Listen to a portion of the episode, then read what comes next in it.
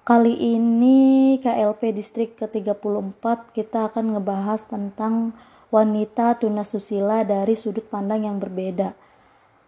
Gue ngambil subjek subjek dari Brenda Jeans Myers Powell. Dia adalah seorang aktivis dan advokat Amerika yang lahir pada 18 April 1957 dan aktif dalam menentang perdagangan manusia. Myers Powell ini salah satu pendiri The Dreamcatcher Foundation sebuah organisasi nirlaba yang bertujuan untuk memerangi perdagangan manusia di wilayah Chicago. Saat kita berbicara tentang topik ini yang sangat berat ini ya, perdagangan seks eh, itu artinya perdagangan bentuk perbudakan modern dan terjadi ketika seorang pedagang mengeksploitasi individu melalui penipuan, paksaan, dan intimidasi untuk menempatkan mereka di jalan kerja seks paksa. Brenda Myers ini membawa kita kembali dan menceritakan kisah bagaimana dia menjadi pekerja seks selama bertahun-tahun. Dia berbicara tentang bagaimana neneknya membesarkannya. Nah, ini kita bahas. Oke, okay. Brenda Myers Powers ini di enam bulan sudah ditinggalin sama orang tuanya. Entah orang tuanya gua nggak tahu ke mana. Dia ini dari usia enam bulan udah ditinggal sama orang tuanya. Ibunya meninggal, bapaknya tah gak tau ke mana nggak ketahuan lah. Terus dia take over lah ke neneknya. Neneknya ini ternyata tukang nongkrong di bar. Tukang nongkrong di bar.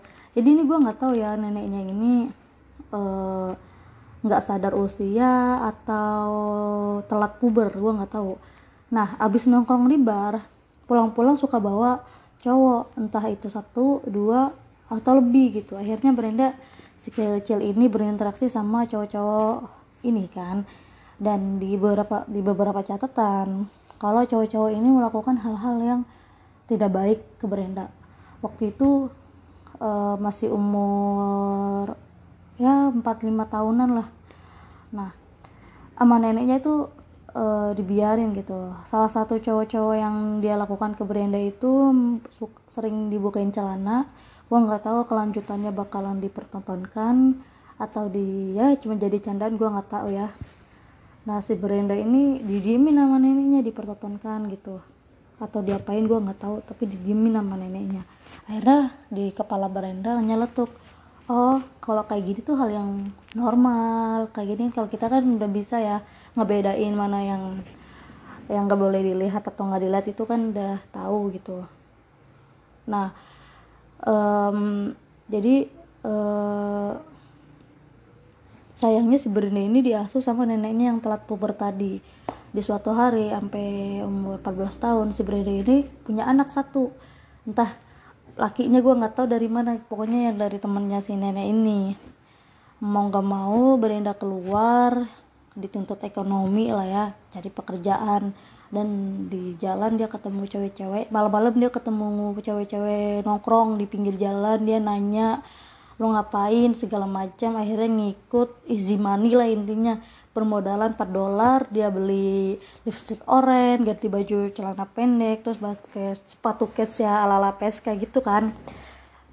Akhirnya dia bermodal 4 dolar dapat pelanggan satu pulang-pulang dapat 400 dolar. Lu bayangin modal 4 dolar jadi 400 dolar. Nah di sini Brenda uh, mikir oh gini gini ya easy money gitu. Oh uh, mudah sekali nih maksudnya kayak cepet lah dapat duit. Akhirnya si Brenda ngelakuin lagi ke depannya eh ke depannya besoknya lagi dia ngelakuin. Habis itu pas di besoknya ngelakuin nggak taunya dia diculik sama sama gerombolan-gerombolan preman lah. Di akhirnya diculik diperdagangin lah si Brenda ini di masuk ke manajemen ini. Nah dan di manajemen ini uh, punya apa ya punya keuntungan tapi sepihak gitu. Entah yang korbannya dikasih apa enggak gue nggak tahu. Nah satu tahun ini dia melayani 1800 orang. Lu bayangin satu tahunnya itu 365 hari. Berarti sehari uh, bisa berapa tuh? 5 atau 4 orang ya? Itu udah parah sih menurut gue. Itu udah ledes banget gitu nah dia jadi PSK itu di bawah di bawah manajemen ini selama 25 tahun lu bayangin. Dia jadi PSK di bawah manajemen ini selama 25 tahun. Dia pernah ditembak lima kali ditusuk 13 kali sama pelanggan dan ini tuh nggak dilindungin sama manajemen ini gitu. Nah suatu hari ada orang yang pakai jasa si Brenda uh, pokoknya udah udah udah make lah setelah make dikeluarin tiba-tiba di si Brenda ini didorong dari dalam. Kejepit bajunya keseret-seret-seret sampai ada pertolongan dari orang lain. Akhirnya bisa dah.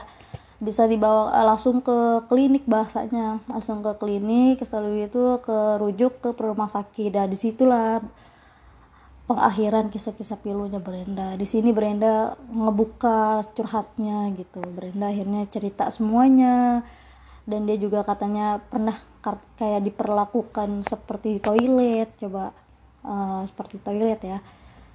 Seperti toilet tuh kayak gimana tuh? Pokoknya seperti toilet lah intinya.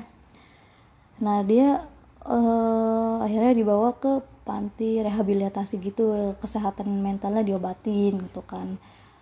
Pas keluar dari itu dia jadi peneliti PSK dia keluar dari situ dia malah jadi peneliti tentang PSK dia mencari orang-orang yang senasib sama dia yang diculik yang dipaksa gitu.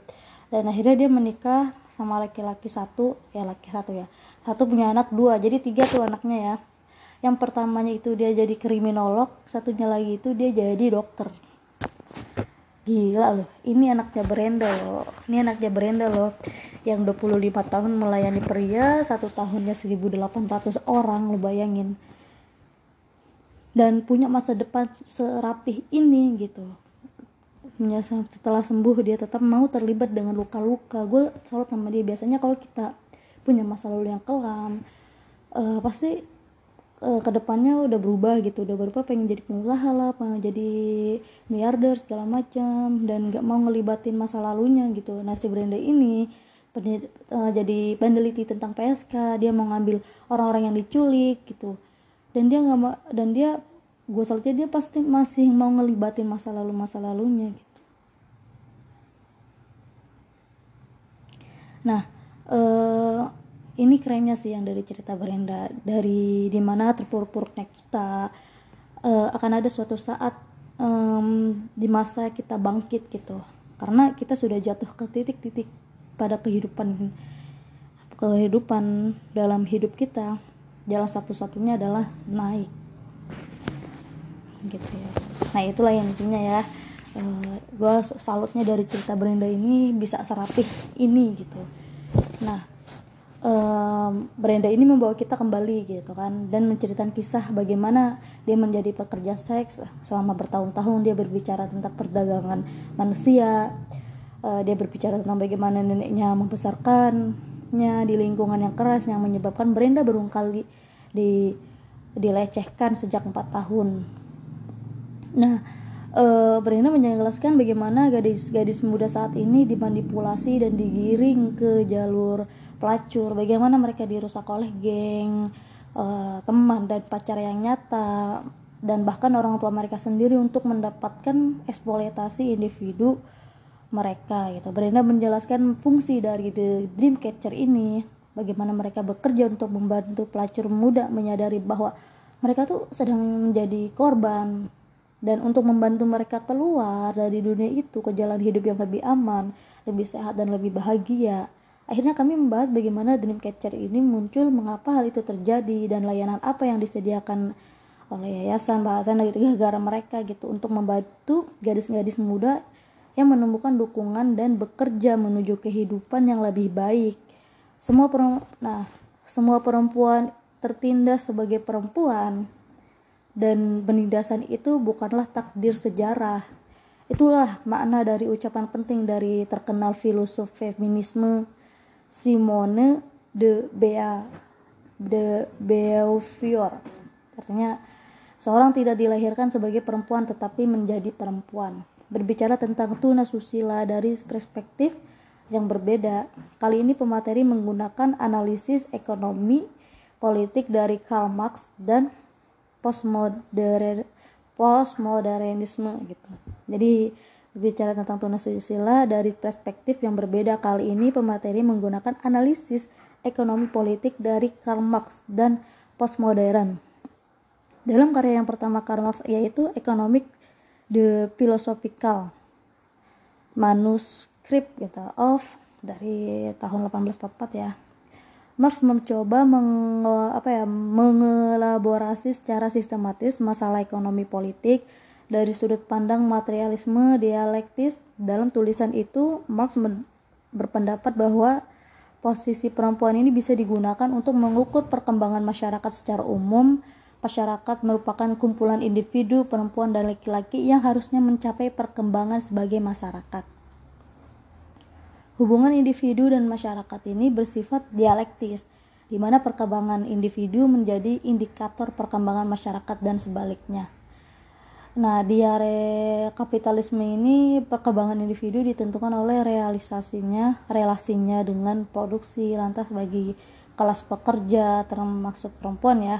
Nilai mereka dipandang tidak berharga. Kasus mengenai posisi perempuan ini menurut hemat Marx harus mampu mencapai perkembangan sebagai individu berdasarkan siapa diri mereka dan bukan pada kategori status sosialnya.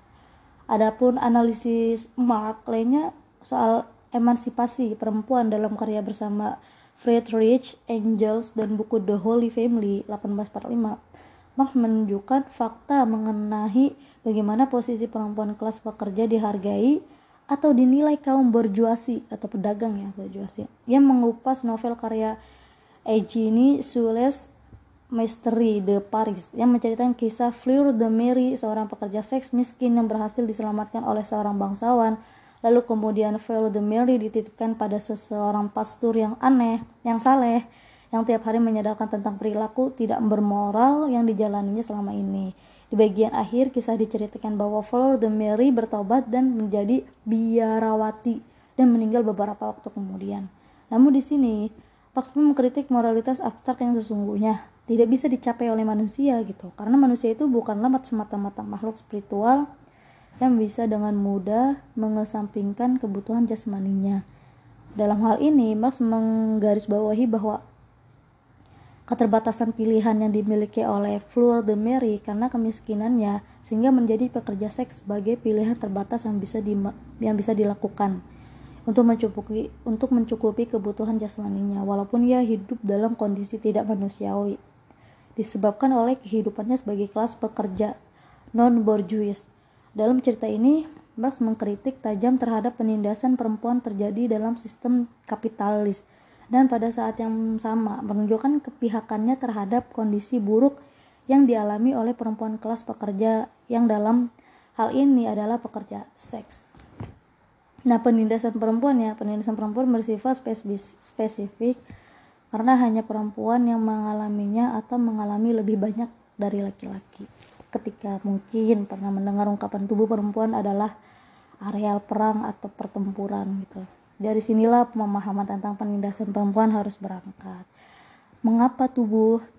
Nah, sudah sejak lama tubuh perempuan sudah dikonstruksikan untuk sekadar berperan sebagai alat reproduksi, alat pemuas, sehingga alat tukar atas dasar relasi kepemilikan yang berpusat pada laki-laki. Dengan kata lain, tubuh perempuan dijadikan sasaran tindakan kontrol dan objek kepemilikan.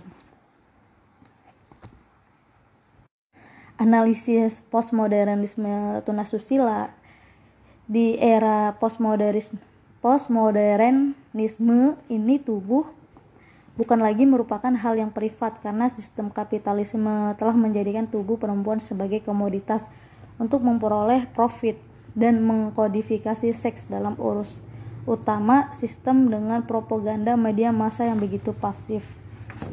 Dengan kemampuan dan kekuasaan yang dimiliki mereka secara pandai mendefinisikan dan meresepsikan ketaatan seputar tubuh dan seksualitas manusia karena itu kapitalis sebagai permodal adalah produsen ideologi tubuh yang menjelaskan yang menjejalkan norma-norma keindahan tubuh, mulai dari bentuk ukuran, warna, dan sebagainya. E, di balik gejolak paradigma seksual dengan sesianti seksualitis, kapitalisme dengan bantuan media massa telah berhasil menempatkan seks menjadi barang komoditi yang laris terjual. Yang tadinya sebagai ruang privat, manusia kini telah menjadi barang publik Sehingga tidak heran jika zaman ini berbagai media telah menjajakan alat-alat vitalis, pose vulgar tubuh perempuan, prostitusi yang terang-terangan, dan sebagai aktivitas seks lainnya. Kini masyarakat postmodern sedang memasuki satu era seksualitas yang sangat berbeda dengan era-era sebelumnya. Kini dalam sistem kapitalisme sekat antara tubuh dan semua objek menghilang karena melebur dalam komoditas psikolog tiap individu distimulasi atau undi dorong agar terus mencari berbagai hal yang berhubungan dengan nafsu atau libidonya. Melalui bantuan medsos, individu tidak lagi malu mempertontonkan bagian intim tubuhnya. Yang terpenting adalah nominal yang didapat dari apa yang mereka suguhkan. Konluksinya adalah kini kapitalisme bertransformasi dengan mengambil wujud baru dengan memanfaatkan pemenuhan hasrat sebagai komoditas untuk meraup keuntungan dan melenggengkan melanggengkan dominasi laki-laki atas perempuan yang yaitu perempuan adalah objek yang pasif. Kesimpulannya, tuna susila adalah ciptaan dari sistem kapitalisme dan berakar pada sejarah dan transformasi masyarakat pasca revolusi industri yang mana kaum perempuan berimigrasi ke kota untuk menjadi pekerja buruh, kehilangan pekerjaannya, dan untuk memenuhi kebutuhan jasmaninya. Terpaksa menjual diri, bisa dikatakan bahwa ada kesenjangan antara kelas pekerja dan pemodal dalam menguasai sistem produksi sehingga rela kuasa didominasi oleh kaum kapital itu pemodal dengan merampas surplus sosial dalam masyarakat atau kaum buruh. Sekian dari saya, terima kasih. Ada yang mau sharing?